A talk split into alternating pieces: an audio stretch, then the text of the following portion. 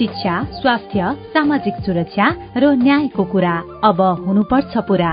नमस्कार रेडियो कार्यक्रम घर आँगनको यो अडतिसौं श्रृंखलामा तपाईँलाई हार्दिक स्वागत छ। म सुनिल राज भारत।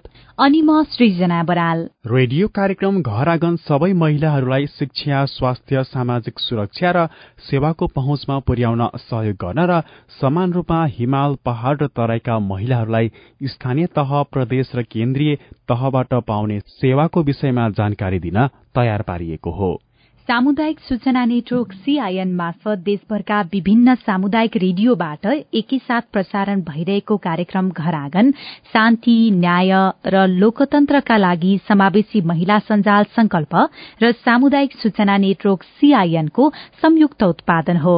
यो कार्यक्रम इन्टरनेटमा सीआईएन खबर डट कम र मोबाइल एप अखुराब सीआईएनबाट पनि सुन्न सक्नुहुनेछ। सरकारले महिलाहरूकै लागि भनेर केही विशेष व्यवस्थाहरू गरेको छ तर सरकारले आफूहरूलाई दिएको सहुलियतका बारे धेरै महिलाहरूलाई जानकारी नै छैन। कार्यक्रममा हामी ग्रामीण भेगका महिलाहरूलाई राज्यले दिएको छूट सेवा सुविधा र सहुलियतको बारेमा जानकारी गराउँछौ भने त्यस्ता सेवा सुविधा कहाँबाट कसरी लिने भन्ने विषयमा पनि छलफल गर्छौं। आजको कार्यक्रममा हामी किन आवश्यक छ छोरीलाई शिक्षा? नेपालको सन्दर्भमा भन्दाखेरि केटा मान्छे भन्दा पनि केटी मान्छे चाहिँ धेरै छ।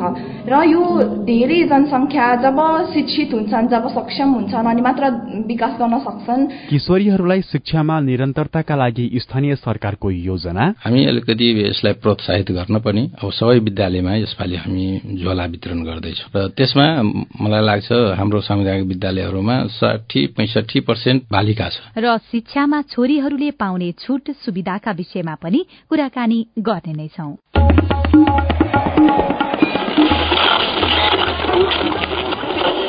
सयौं रेडियो। हजारौं रेडियो कर्मी र करोड़ौं नेपालीको माझमा यो हो सामुदायिक सूचना नेटवर्क सीआईएन कार्यक्रम घर आँगन मार्फत देशका विभिन्न सोह्र जिल्लाका सामुदायिक रेडियोमा बुहारी पत्रकारहरू हुनुहुन्छ।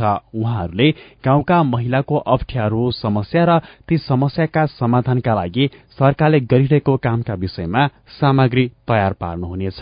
आजको कार्यक्रममा हामी छोरीहरूको शिक्षा र उनीहरूले पाउने छूट सुविधाका विषयमा कुराकानी गर्नेछौ। आजबाट विद्यालय भर्ना अभियान शुरू हुँदैछ। शिक्षा मन्त्रालयले वैशाख दुईलाई राष्ट्रिय भर्ना अभियान दिवस भनेर घोषणा गरेको हो। अभियानको नारा हाम्रो शहर हाम्रो गाउँ सबै बाल बालिकालाई विद्यालय पुर्याउ तय गरिएको छ। केन्द्रीय नारामा स्थानीय सरकारले आफ्नो परिवेश अनुसार थपगट गर्न सक्ने जनाइएको छ। स्थानीय सरकार मातहतमा विद्यालय सञ्चालन गर्ने व्यवस्था रहेकाले उनीहरूले आफ्नो ठाउँ अनुसार नारा तय गर्न सक्ने शिक्षा तथा मानव स्रोत विकास केन्द्रले जनाएको छ।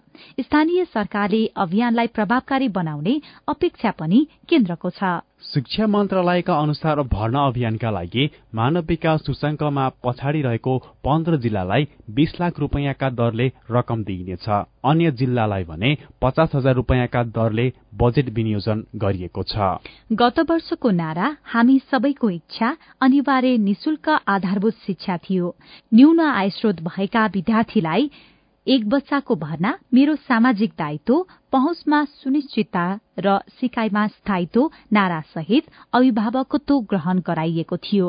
यसरी अभिभावकत्व ग्रहण गराउने क्रम निरन्तर रहने शिक्षा मन्त्रालयले जनाएको छ। पन्ध्र वर्षदेखि विद्यार्थी भर्ना अभियान जारी छ तर अझै पनि धेरै बाल बालिका विद्यालय बाहिर रहेको खबर हामीले पढिराख्नु परेको छ। सबैभन्दा धेरै समस्या प्रदेश नम्बर दुईमा छ। कार्यक्रमको शुरूमा प्रदेश नम्बर दुईकै कुरा गरौं। संविधानले शिक्षालाई अनिवार्य र निशुल्क भनेको छ। तर प्रदेश दुईको शिक्षा विकास निर्देशनालयका निर्देशक रमाकान्त शर्माका अनुसार प्रदेश दुईमा मात्रै अझै एक लाख साठी हजार बाल बालिका विद्यालय बाहिरै छन् विद्यालय पुगेर पनि बीचमा नै पढ़ाई छाड्नेहरूको संख्या पनि थपिँदैछ। प्रदेश सरकारले गत वर्ष मात्रै बाल बालिकालाई विद्यालयमा ल्याउनका लागि तीन अर्ब बजेट विनियोजन गरेको थियो। यस वर्ष विद्यार्थी भर्ना अभियानका लागि भन्दै चार अर्ब छुट्याइएको छ। बजेट अनुसारको उपलब्धि नदेखिएपछि प्रदेश सरकारले अब नयाँ योजना ल्याउने तयारीमा लागेको प्रदेश नम्बर दुईका सामाजिक विकास मन्त्री नवल किशोर शाहको दावी छ। नगरपालिका भित्रका विद्यालय उमेरका बालबालिकाको अवस्था भर्ना भएका बालबालिकालाई विद्यालयमा टिकाई राख्न स्थानीय सरकारको योजना र विशेष गरी किशोरीहरूका लागि कस्ता नयाँ कार्यक्रम बन्दैछ? रेडियो समग्र सिराहाका सञ्जु कुमारी दासले सिराहाको लाहान नगरपालिकाको शिक्षा शाखा संयोजक राजेश कुमार शाहसँग कुराकानी गर्नु भएको छ। सुरु सुरुमा भर्ना चाहिँ धेरै बालिकाहरू हुन्छन्। पछि गएर त्यो संख्या भने घटिराखेको हुन्छ। त्यसको कारण चाहिँ के होला? अलि यो नीतिगत कुरा छ यसमा। वास्तवमा हामी जसरी बालबालिकाहरूलाई विद्यालयभित्र वातावरण एउटा सृजना गर्नुपर्ने हो त्यो अवस्था छैन। खास गरेर सामुदायिक विद्यालयहरूमा बालबालिकाहरू जुन वातावरणमा पढ्न पाउनु पर्ने हो जुन वातावरण त्यहाँ सृजना गर्नुपर्ने हो त्यो अवस्था छैन। र संस्थागत विद्यालयहरू केही मात्रामा त्यस्ता पूर्वाधारहरू तयार गरेको छ त्यहाँ राम्रो छ। र संस्थागत विद्यालयहरूमा धेरै विद्यालय यस्ता छन्। जहाँ बालबालिकाहरूको पढ्ने आफै जान खोज्ने त्यस्तो वातावरण छैन र सामुदायिक विद्यालयमा पनि त्यस्तै छ। यसपालि हामीले त्यसलाई टार्गेट गरेर हामीले सबै विद्यालयहरूमा बाल कक्षा र एक कक्षा बाल मैत्री कसरी बनाउन सकिन्छ त्यो योजना हामी मागेका छौं र त्यो काम हामी पहिलोचोटि यसपालि गर्दैछौ। सबै विद्यालयहरूमा बाल कक्षाहरू निर्माण गर्ने त्यसको पूर्वाधारहरू तयार गर्ने त्यहाँ राम्रो वातावरण सृजना गर्ने र त्यसका सम्पूर्ण पूर्वाधारहरूको व्यवस्था गर्ने हामी काम गर्दैछौ। र सबै बालबालिकाहरू हाम्रो जति नगरभित्रका छन् सबै बालबालिकाहरू एउटा राम्रो गुणस्तरीय शिक्षा प्राप्त गरून् र एउटा व्यावहारिक शिक्षा प्राप्त गरून् भन्ने उद्देश्यका साथ हामी काम गरिरहेछौँ। भन्नुभयो वातावरण छैन हाम्रो सरकारी विद्यालयहरूमा। के होला त्यसको कारण? कस्तो वातावरण हुनुपर्ने? मुख्य कुरा यो यो बीचमा मलाई लाग्छ कहाँनिर त्रुटि भएको छ भने निजी क्षेत्रहरूलाई बढी प्रोत्साहित गर्यो। र सरकारी क्षेत्र जुन हाम्रो सामुदायिक विद्यालयहरू छ त्यसलाई इग्नोर गर्ने काम भयो। त्यो कारणले गर्दा त्यो राज्यबाट नै भएको जस्तो मलाई महसुस हुन्छ किनभने अब एकदेखि पाँच कक्षासम्म हाम्रो विद्यालयहरूमा धेरै न्यून विद्यार्थीहरू छ। त्यहाँ पढ्ने वातावरण वास्तवमै छैन। खालि त्यो पिटेर डराएर धम्काएर त्यसरी विद्यार्थी वास्तवमा वर्गीय आउन चाहन्छ अनेक क्रियाकलापमा सहभागी हुन चाहन्छन्। त्यो वातावरण जबसम्म हाम्रो विद्यालयमा बन्दैन तबसम्म हाम्रो बालबालिकाहरू आफै विद्यालयभित्र बस्न खोज्दैन र जाँदैन। छोरीलाई वा बालिकालाई विद्यालयमा निरन्तरता पाउनका लागि अभिभावकको पनि भूमिका हुन्छ होइन? अभिभावकलाई पनि लक्षित गरेर यस्तो कुनै योजना बनाउनु भएको छ कि छैन? हामीले अभिभावकहरूलाई वास्तवमा अभिभावक लक्षितै योजना हामी बनाएका छौँ। हामीले विगतमा सबै विद्यालयहरूमा एक वर्ष दुई वर्ष अभिभावकै बेला नहुने अभिभावकहरूलाई विद्यालयमा आउने वातावरण नहुने खालको थियो। त्यो वातावरण यसपालि हामी लगभग धेरै विद्यालयहरूमा अभिभावकहरू कसरी विद्यालय जान्छन्? कम्तीमा सालमा दुई चारचोटि दसचोटि जाउन्। त्यो वातावरण निर्माण गर्न हामी यसपालि काम गरेका छौँ। अर्को जो अभिभावकहरू बालबालिकाको शिक्षाप्रति ध्यानै दिँदैन। उहाँहरूको घर घरमा पुगेर शिक्षकहरूलाई एउटा योजनाबद्ध तरिकाले टिम बनाएर उहाँहरूको घर घरमा पुग्ने काम भएको छ भने हामी प्रतिनिधिहरू पनि घर घरमा पुगेर जुन त्यस्तो बालबालिकाहरूको अभिभावकहरू छ त्यसलाई सम्झाउने बुझाउने तपाईँहरूको यो बच्चाको भविष्य बिगार्ने काम गर्दै हुन्छ तपाईँहरूकै भविष्य बिग्रिन्छ तपाईँहरूको बच्चा स्कुलमा पठाउनुहोस् भनेर सम्झाउने बुझाउने कामहरू हामी गरेका छौँ विद्यालयमा बालिकाहरू बालिका भएकै कारण उहाँहरूलाई विभिन्न खाले समस्याहरू हुने गरेको हुन्छ। खास गरेर अब जुन तेह्र वर्ष उमेर नाघिसकेको बाली बालिकाहरू छन् त्यस्तोलाई चाहिँ बढी समस्या हुने गरेको पाइन्छ। खास गरी जब उनीहरू मासिक धर्मको हुन्छ महिनावारीको हुन्छ त्यति बेला चाहिँ त्यस्तो खालका समस्यालाई निप्टाउनका लागि नगरपालिकाबाट के कस्ता कार्यक्रमहरू छ? यो वास्तवमा हामी गर्न सकेका छैनौँ। तर यसपालि यो वर्षमा यो शैक्षिक सत्रमा हामी त्यो विषयमा काम गर्छौँ। यो हामी प्लानिङ गरिरहेछौँ वास्तवमा त्यस्ता बालबालिकाहरू अब पढ्नबाट नै वञ्चित हुन्छ त्यस्तो अवस्थामा त्यो अवस्था नआउन् भनेर हामी काम गर्ने योजनामा छौँ यसपालि। बालिकालाई नै लक्षित गरेर नगरपालिकाबाट बजेट छुट्याइन्छ कि छैन? प्रत्येक विद्यालयमा त त्यस्तो गरेका छैनौँ हामी तर बालिकालाई नै लक्षित गरेर हामी एउटा एउटा ठूलो योजना बनाएका छौँ जो महिला विद्यालय बनाएका छौँ हामी। यो पाँच नम्बरमा निर्माण हुँदैछ र त्यहाँ सम्पूर्ण सिपमूलक क्लास शिक्षा भन्दा अर्को पाटो प्राविधिक शिक्षालाई पनि जोडेर हामी खास गरेर आठ कक्षादेखि नै त्यसलाई कसरी प्रविधि युक्त विद्यार्थी बनाउने प्रविधि सहितको विद्यार्थी होस् हाम्रो त्यो एउटा निस्किने बित्तिकै आफ्नो उसले योग्यता र क्षमताले काम गर्न पाउन् र आफै केही सञ्चालन गर्न सकोस् भनेर हामी एउटा महिला विद्यालय स्थापना गर्दैछौँ। अहिले यसपालि पनि हामी त्यहीमा त्यसैमा काम गर्दैछौँ। निर्माण भइसकेपछि अब अर्को योजना हाम्रो बन्छ। त्यो त एउटा पाटो भयो। भनौँ एउटा विद्यार्थीहरूका लागि छोरीहरूका लागि मात्रै विद्यालय खोलिदिनु खोलिदिनुहुन्छ तर सामुदायिक विद्यालय जति हाम्रो छ हाम्रो गाउँ गाउँमा छ नगरपालिकाहरूमा पनि छ अनि त्यस्तोमा कुनै यस्तो योजना छुट्टै बनाउनु भएको छ कि छैन नगरपालिकाबाट? छुट्टै त छैन तर हाम्रो एउटा योजना के छ भने त्यसमा चलिराखेको छ। त्यसलाई हामी प्रमोट अरू गर्न चाहन्छौँ। सबै छात्राहरूलाई छात्रवृत्तिको व्यवस्था हो। त्यो पहिलादेखि नै चलिरहेछ त्यसलाई अलिकति नयाँ किसिमले हामी कसरी लान सक्छौँ भनेर हामी सोचिरहेछौँ किनभने कार्यक्रम बनाउँदाखेरि त्यो अलिकति प्रभावकारी होस्। कार्यक्रम बनाउने र त्यो सकारात्मक परिणाम दिँदैन भने त्यस्तो कार्यक्रम बनाएर उपलब्धि केही हासिल हुँदैन। त्यसैले हामी यो विषयमा अलिकति गहन ढङ्गले किनभने हाम्रो एउटा समाजमा के भएको छ भने अहिले बच्चा सबै बाल छोराछोरी समान हुन्। तर छोरालाई संस्थागत विद्यालयमा बोर्डिङ स्कुलमा भर्ना गर्ने र छोरीलाई सामुदायिक स्कुलमा पढाउने यो कुरा भएकोले हामी अलिकति यसलाई प्रोत्साहित गर्न पनि अब सबै विद्यालयमा यसपालि हामी झोला वितरण गर्दैछौँ। र त्यसमा मलाई लाग्छ हाम्रो सामुदायिक विद्यालयहरूमा साठी पैँसठी पर्सेन्ट बालिका छ। उहाँहरू अलिकति यो कार्यक्रमले प्रोत्साहित हुने हुनेछ भन्ने हामीलाई लागेको छ। अर्को त्यस्तो अहिले योजना बनिसकेको केही छैन। भविष्यमा? भविष्यमा हामी बनाउँछौँ यसलाई। प्रदेश नम्बर दुईपछि अब प्रदेश नम्बर एकको कुरा गरौं। शुरूमा बालबालिकालाई किन शिक्षा जरूरी छ भन्ने विषयमा कुरा गरौं। गणतन्त्र एफएम धरानका बसन्ती थेवेले केही किशोरीहरूलाई यो प्रश्न सोध्नु भएको छ। किशोरीसँगै उहाँले विद्यालयका एक प्रधानाध्यापकलाई पनि भेट्नु भएको छ। मेरो नाम चाहिँ क्रिस्टिना राई। म धरान सहरमा बस्छु धरान एघारको बाल सञ्जालको अध्यक्ष साथै यस धरान नगर बाल सञ्जालको सदस्य। छोरा छोरी सबैजना इक्वल हो। सबैजना दुवैजना दुवै बराबर हो। शिक्षा भनेको कुरा चाहिँ सबैले पाउनुपर्छ यो छोरा न छोरी। नेपालको सन्दर्भमा भन्दाखेरि केटा मान्छे भन्दा पनि केटी मान्छे चाहिँ धेरै छ। र यो धेरै जनसङ्ख्या जब शिक्षित हुन्छन् जब सक्षम हुन्छन्। अनि मात्र विकास गर्न सक्छन्। अनि मात्र देश बनाउन सक्छन्। भन्छ नि घरमा एकजना आमा शिक्षित भइन् भने सबैजना परिवार शिक्षित हुन्छन्। नमस्कार मेरो नाम सुकुम लिम्बू हो। म धरानमा स्थित वडा स्तरीय बाल सञ्जालको सदस्य हो। हाम्रो समाजमा अहिले पनि बालिकाहरूलाई बालक समान अधिकार दिने गरिएको छैन। विभिन्न विकट गाउँहरूमा उनीहरू शिक्षाविहीन भएर घरमै बस्नुपर्ने अवस्था छ। बालक मात्र शिक्षित भएर हुँदैन।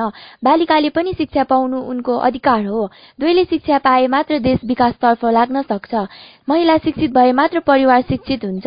शिशुले पहिलो ज्ञान आफ्नै आमाबाट हासिल गर्छ। त्यसैले आमा शिक्षित हुनु जरुरी छ। नमस्कार मेरो नाम मिसिकुङ थेबे हो। म धरान उन्नाइस प्रगति चोकमा बस्छु। बालिका शिक्षा अत्यन्तै जरुरी छ। बालक मात्र शिक्षित भएर हुँदैन बालिका पनि शिक्षित हुनुपर्छ। महिला शिक्षित भयो भने हाम्रो समाज पनि शिक्षित हुन सक्छ र उस घर परिवारको सदस्यहरू पनि शिक्षित हुन सक्छ। नमस्ते म योगेन्द्र पालुङ किरान्तेश्वर माविको प्रहाल। विद्यालयको सेवा क्षेत्रको बालिकाहरूको अवस्था चाहिँ के कस्तो छ?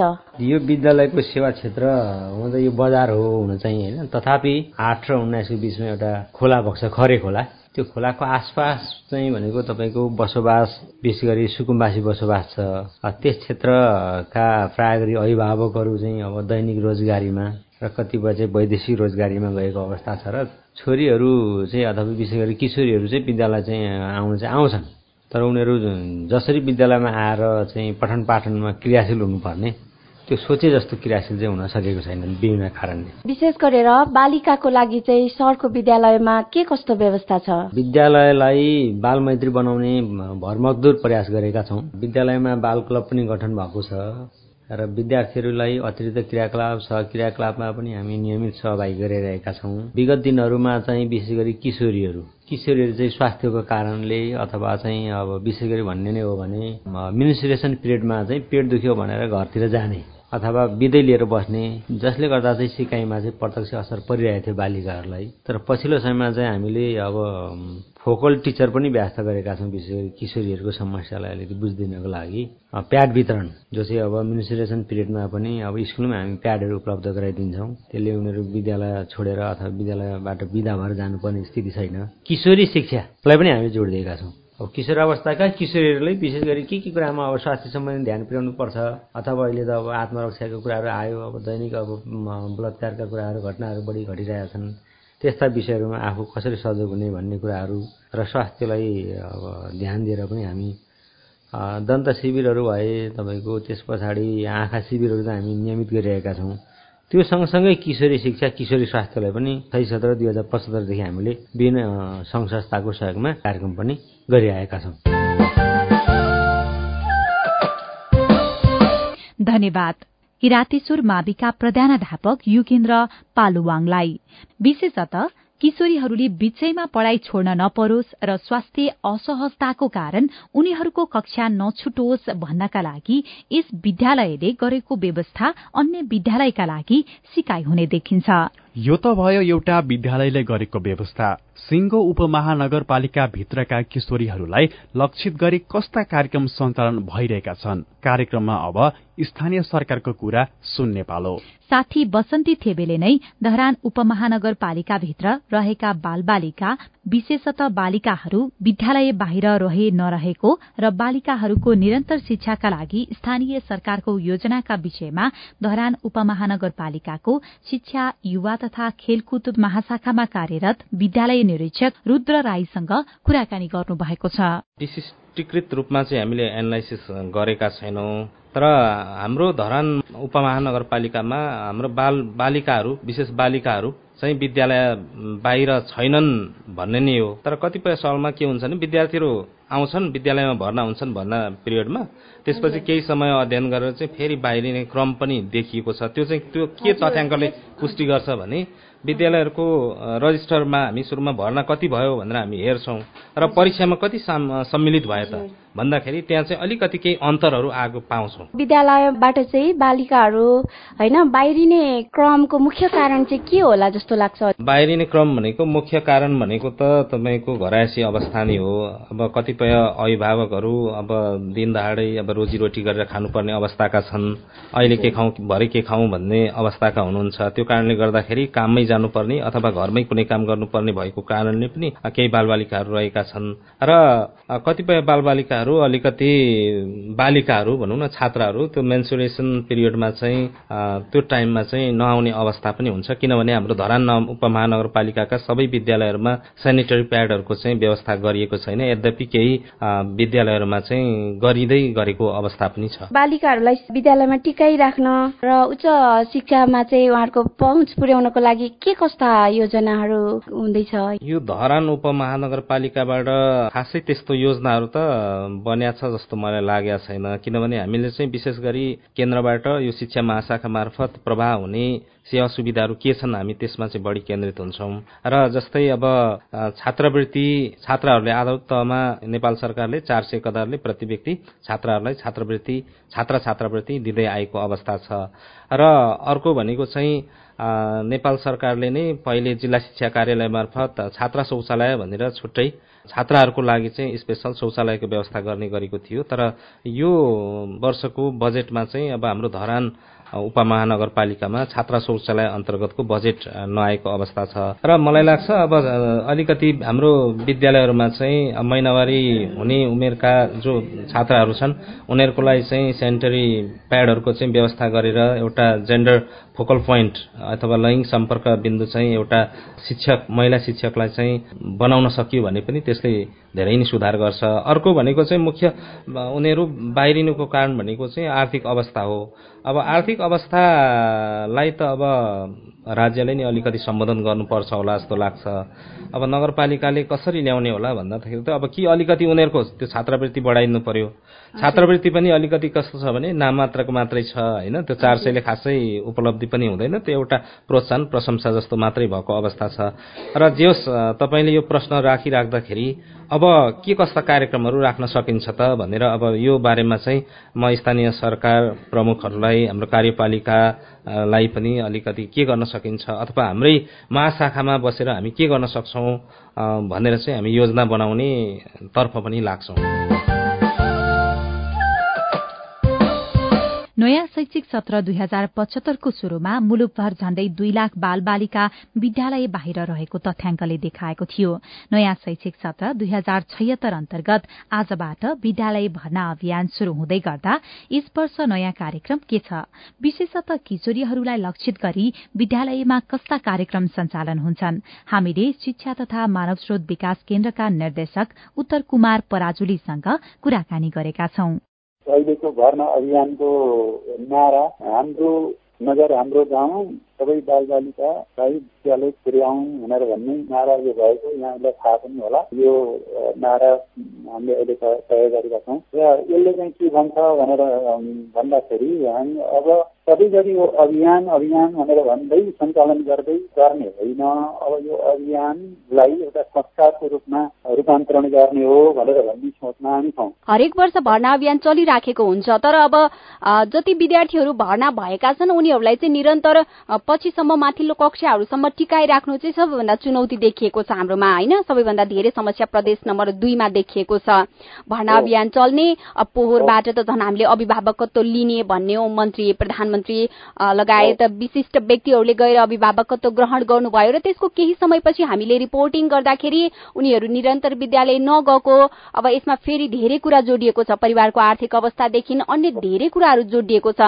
विशेष त मैले यहाँलाई जोड्न खोजेको कुरा भर्ना अभियान सँगसँगै ती बालबालिकाहरूलाई निरन्तर विद्यालयमा टिकाइराख्नको लागि चाहिँ अलिकति फरक खालका कार्यक्रम यो पनि अब गर्नुपर्नेछ भनेर यहाँहरूले के ल्याउँदै हुनुहुन्छ यसपालि? फरक खालको कार्यक्रम थाहा भएको कुरा हो शिक्षा सम्बन्धी व्यवस्थापनको योजना हामीले गर्ने भनेर भन्ने भएकै छ होइन? हामीले चाहिँ अब उहाँहरूले जस्तै दुई नम्बर प्रदेशमा बेटी पढाऊ बेटी बचाऊ भनेर भन्ने अभियान लिएर हिँड्नुहुन्छ केन्द्रले चाहिँ यसो गरिदिए हुन्थ्यो भनेर भन्ने हिसाब किताबको कुरा आयो भने हामी त्यही अनुसारले जाने नत्र चाहिँ हामीले केही नीतिगत रूपमा चाहिँ यस्तो यस्तो कुरामा खर्च गरेर शिक्षामा बालबालिकाहरूको नियमित भर्नालाई भर्ना र नियमिततालाई चाहिँ सहयोग हुने हिसाब किताबले रकम खर्च गर्नु होला भनेर भन्ने हिसाब किताबले पठाउने योजनामा छौँ हजुर। अब यसमा यहाँले भन्नुभयो जस्तो स्थानीय तहले चाहिँ केन्द्र सरकारबाट यस्तो सहयोग भइदियो भने चाहिँ हामीलाई सहज हुन्थ्यो भन्नुभयो भने चाहिँ हामी सहयोग गर्ने वा त्यो खालको कार्यक्रमका विषयमा पनि सोच्नुपर्छ होला भन्नुभयो नि।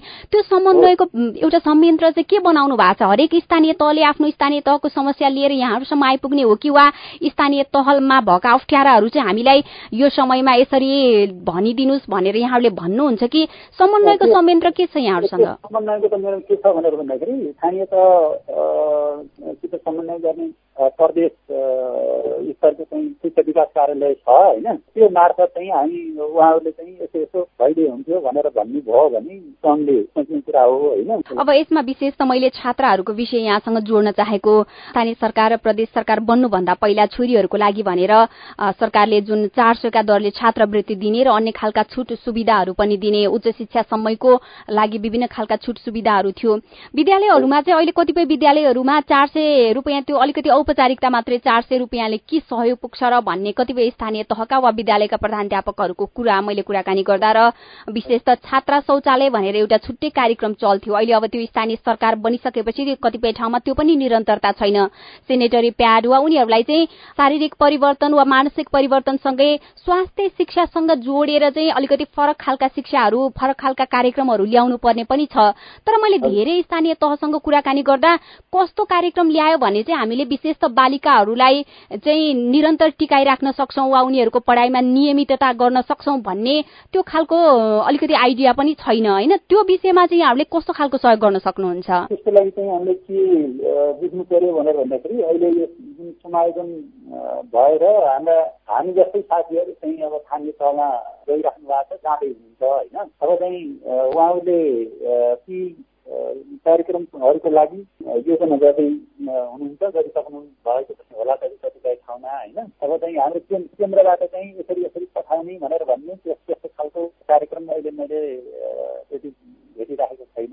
यहाँहरूले कानून नियम बनाउने वा मान्छे नै पठाउन नसके पनि तपाईँको विद्यालयमा छात्राहरूलाई टिकाइराख्न वा चाहिँ निरन्तरता शिक्षाको लागि चाहिँ यो खालका कार्यक्रम तपाईँको क्षेत्रमा अलिकति अनुकूल हुन्छ। तराईमा यस्तो वा पहाड़मा यस्तो हामीले यति वर्ष गरेको कार्यक्रम वा नयाँ प्रविधि यो हामीले अध्ययन गर्दा चाहिँ यस्तो छ भनेर तपाईँहरूले त्यो समन्वय गर्ने वा बेला बेलामा छलफल कार्यक्रमहरू राख्ने तिनै तहको सरकार त्यस्तो खालको कार्यक्रम चाहिँ हुन सक्ने हुन्छ कि हुँदैन? हुन्छ। त्यस्तो भन्ने कुरा छ। हामीले चाहिँ भनौँ न मैले इसिबीको कुरा गर्छु। यो बाल विकास शिक्षा सम्बन्धी कुरा हेर्छु पनि होइन। हामीले चाहिँ त्यस सम्बन्धी निर्देशिका तयार गर्ने। हामीले अहिले तपाईँले भन्नुभएको भएको जस्तो जहाँ कतै स्थानीय तहमा विशेषज्ञ हरूको चाहिँ उपलब्ध हुन सक्ने स्थिति हुँदैन। स्थानीय तहमा यस्तो यस्तो गर्दाखेरि यस्तो हुन्छ। यस्ता कुराहरू तालिम लिँदाखेरि यस्तो कुरा गर्नुपर्छ। तालिमका केही नमुना प्याकेजहरू बनाउने अनि चाहिँ निर्देशिका पनि यस्तो यस्तो भयो भने राम्रो हुन्छ भनेर गऱ्यो भने राम्रो हुन्छ भनेर निर्देशिका बनाउने। न्यूनतम मापदण्ड यस्तो हुनुपर्छ भनेर चाहिँ न्यूनतम मापदण्ड बनाउने त्यस्तो काम गर्छौँ कि हामीले। त्यस्तो काम गरेर हामीले चाहिँ त्यो वेबसाइटमा राख्ने अथवा चाहिँ प्रिन्ट गरेर स्थानीय तहमा पठाउने त्यस्तो काम चाहिँ गरिन्छ। धन्यवाद। शिक्षा तथा मानव स्रोत विकास केन्द्रका निर्देशक उत्तर कुमार पराजुलीलाई। कार्यक्रमको अन्त्यमा अब छोरीहरूले शिक्षाको क्षेत्रमा पाउने छुट सुविधाको विषयमा कुराकानी गरौं।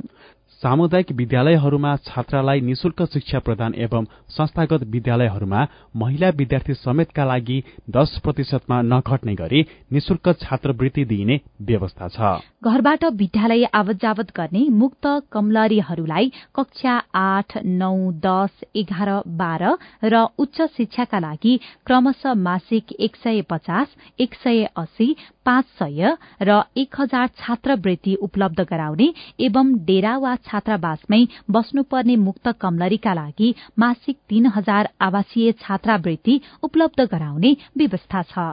आधारभूत तहमा कक्षा एकदेखि आठ भर्ना भई निरन्तर रूपमा अध्ययनरत रहने सबै छात्रालाई वार्षिक चार सयका दरले छात्रवृत्ति प्रदान गर्ने व्यवस्था रहेको छ। प्राविधिक प्रवेशिका परीक्षा वा सरह उत्तीर्ण गरेका महिलालाई डिप्लोमा तथा प्रमाणपत्र तहको निशुल्क अध्ययनका लागि पच्चीस प्रतिशत छूट आरक्षण गरिएको छ भने एकल महिलालाई प्राथमिकता दिने गरी नौजना महिलालाई मासिक पाँच हजारका दरले निर्वाह छात्रवृत्ति प्रदान गरिने व्यवस्था रहेको छ। यी व्यवस्थाहरूमा अहिले स्थानीय सरकार र प्रदेश सरकार बनिसकेपछि अझै थप गरेर पनि दिन सक्नेछन्। यही विषयसँगै हामी कार्यक्रम घर आँगनको अन्त्यमा आइपुगेका छौं। कार्यक्रम घर आँगन तपाईँलाई कस्तो लाग्यो? केही सल्लाह सुझाव र प्रतिक्रिया छ भने हाम्रो टेलिफोन नम्बर शून्य एक बान्न साठी छ चार छमा फोन गरेर आफ्नो प्रतिक्रिया रेकर्ड गर्न सक्नुहुनेछ। यदि तपाईँ इमेल चलाउनुहुन्छ भने हाम्रो इमेल ठेगाना साझा खबर एट जीमेल डट कममा पनि प्रतिक्रिया पठाउन सक्नुहुनेछ। हाम्रो Facebook page community information network CIN र Twitter handle at the rate CIN साझा खबरमा मेन्शन गरेर पनि कार्यक्रमको बारेमा प्रतिक्रिया लेख्न सक्नुहुनेछ।